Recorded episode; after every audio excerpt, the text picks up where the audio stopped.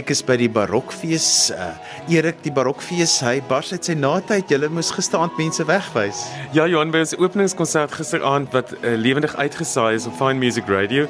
Ehm um, ja, en dit was so baie mense dat ons van hulle ongelukkig moes wegwys, maar dis wonderlik. Ek dink die ondersteuning wat ons in Kaapstad kry vir dit, dis 'n uh, regtig goeie gevoel. So ons is nou by ons tweede event wat amper gaan begin en dis meesterklasse wat Karen van Heerden van Oostenryk kom aanbied vir jong Suid-Afrikaanse blokfluitspelers.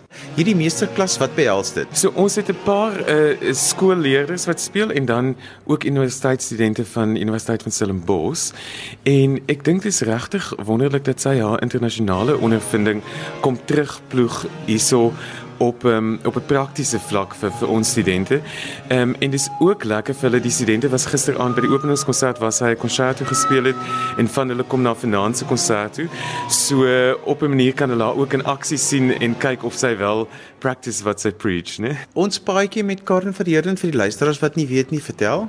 So Karen van Heerden is Suid-Afrikaans gebore en sy bly nou al vir baie jare in Oostenryk en sy is een van die stigterslede van die Lofeyo Barokorkes. Ehm um, wat een van die bekendste barokorkeste um, in die wêreld is op die oomblik. En en dis wonderlik dat 'n Suid-Afrikaner dit kon doen. So op 'n manier is hulle ook vir my uh, van my idole vir kamerate Tinta Barocca. Um, en dis regtig 'n paadjie wat ons verloop. En dit is hoe kom ons al gevra het dat dat dit iemand 'n Suid-Afrikaner is wat in dieselfde rigting uh vroeë musiekrigting spesialiseer. En ek dink ook dat sy um, vir mense wys dis moontlik om 'n loopbaan daar uit te maak. En sy's 'n wonderlike persoon wat so vrylik haar kennis deel. Selfs in die repetisieproses uh, was dit net wonderlik vir al die spelers om met haar te werk en, en dit was regtig 'n verrykende uh, ondervinding vir ons almal Nou die luisteraars gaan hoor die meestersklasse sal aan die gang hier in die agtergrond. Wat pak hierdie anders as ander meestersklasse? Ek dink wat dit anders maak is dat Karen is regtig 'n spesialis op haar veld. So sy spesialiseer in 18de eeuse musiek en dis ons doen net die een tipe musiek.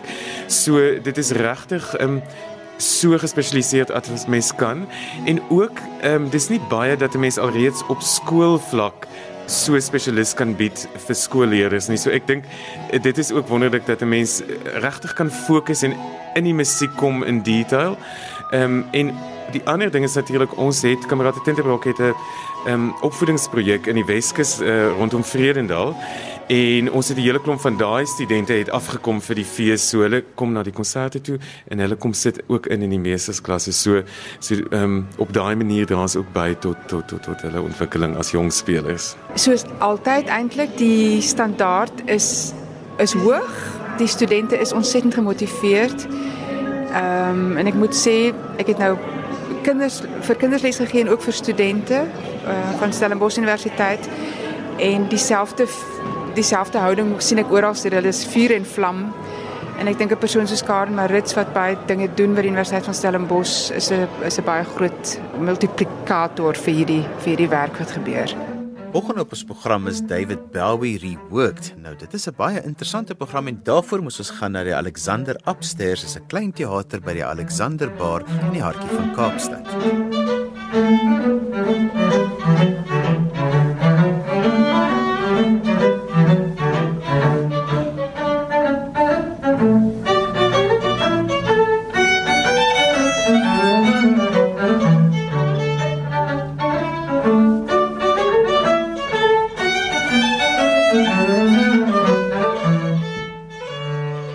Is Jan Hendrik Harley. Uh, ek is die leier van uh, Ensemble Jean Compropa en ons het uh, vandag hier so uh, David Bowie reworked gespeel.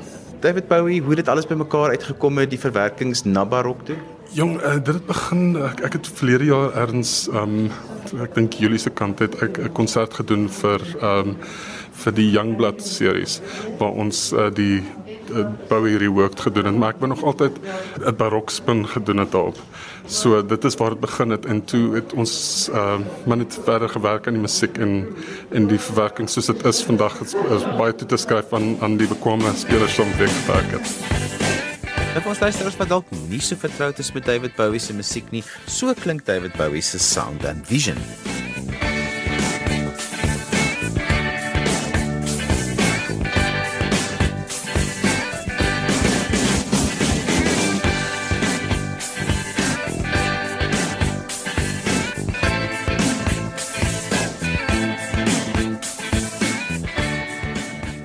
En wanneer Sound and Vision van David Bowie in barokstyl gedoen word, klink dit so.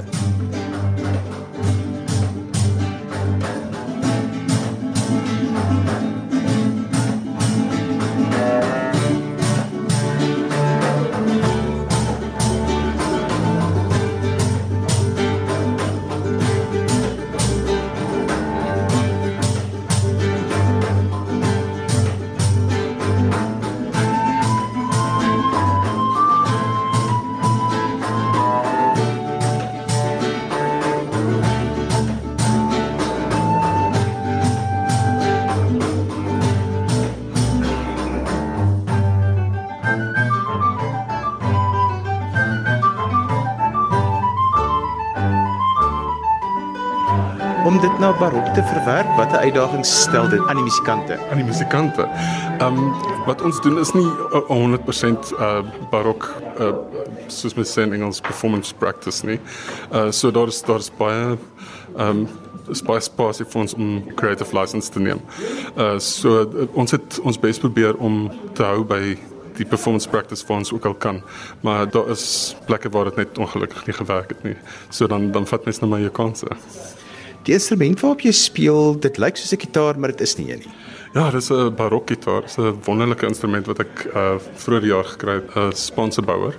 En dit is 'n Catalan model instrument uh van die vroeë uh vroeë 17de eeu. Beskryf dit so klein bietjie hoe dit ook werk, want dit het ook nie normale hoeveelheid snare nie. Die, die instrument het uh, wat mens uh noem snaargroepe of in Engels uh, courses. Ehm um, en hy hy dieselfde gestem as 'n gewone klassieke gitaar, maar hy het net 5 van die snare. Die E snaar is is 'n enkel snaar en dan het jy twee B snare. Jy twee G snare. Dan twee D snare wat in bourdon gestem is of in in bas so die een is 'n oktaaf onder die ander een en dan het jy 'n uh, uh, wat hulle noem re-entrant tuning op die A. So hy's hoër as die as die D en hulle is almal dubbelsnare. So daar's 9 snare in totaal. So watter verskil maak dit alles aan die klank? Dit uh, verander die klank eintlik uh, redelik baie as mens uh, dit nou vergelyk met die um, klassieke gitaar waarop Josh gespeel het wat enkel snare het.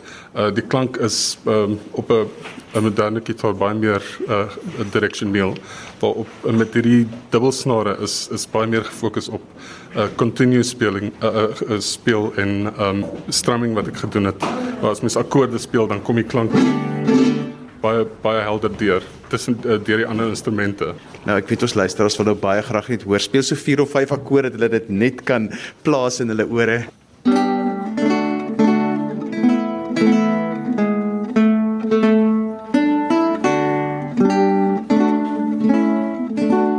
Dis 'n baie voller klank as 'n gewone gitaar. Ja, ja, ja. Dit is um soos ek gesê het, hulle het dit gebruik uh, baie as versterkersinstrument vir die vir die orgel en vir die um vir die klaasimbal en die die cello.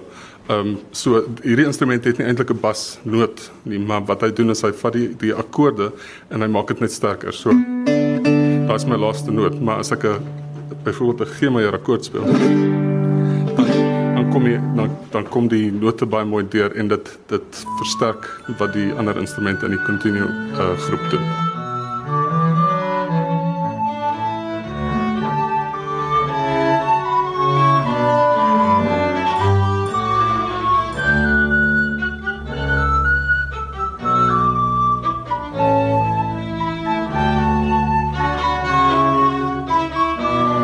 Praat 'n bietjie oor barokmusiek en om barokmusiek op replikas te speel. Replikas is 'n 'n ding wat wat party van ons moet gebruik en party van ons van wat ons gelukkig is, hoef dit nie te gebruik nie. Ehm um, die strykinstrumente uit die 17de en 18de eeu is dikwels nog baie wonderlik, want mens kan nog daarmee speel as jy geluk het om een in die hande te kry en wat bekostigbaar is. Dit is 'n 'n baie duur duur besigheid. Uh, maar die houtblaasinstrumente is meestal um, nie meer in 'n speelbare staat nie. Dit is nou maar die natuur werk nou maar so, so die instrumente kraak en trek skeef. Maar hulle lê natuurlik in, in in museums en uh, daar is bouers wat dan gaan en hulle presies op elke millimeter meet en nabou. So ek speel op op replikas van houtblaasinstrumente. Iets wat my regtig verbaas het en dit moet my eintlik nie verbaas nie, maar dit het my verbaas, is die opkoms. Hoekom is mense so aangetrokke tot barokmusiek? Want dit was regtig vir my 'n aangename verrassing.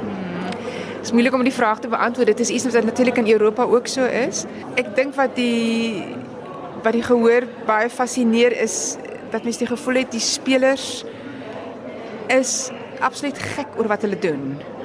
En daar is nie 'n gevoel van is 'n geroutineerde manier van speel. Sit op die agterkant van ons stoel en speel nou man as die ding klaar is, dis dit klaar en dan gaan ons weer huis toe. Jy het die gevoel as die mense ou musiek speel dat hulle ontsaglik baie passie het daarvoor en dit is natuurlik 'n 'n vonk wat oorspring op die gehoor.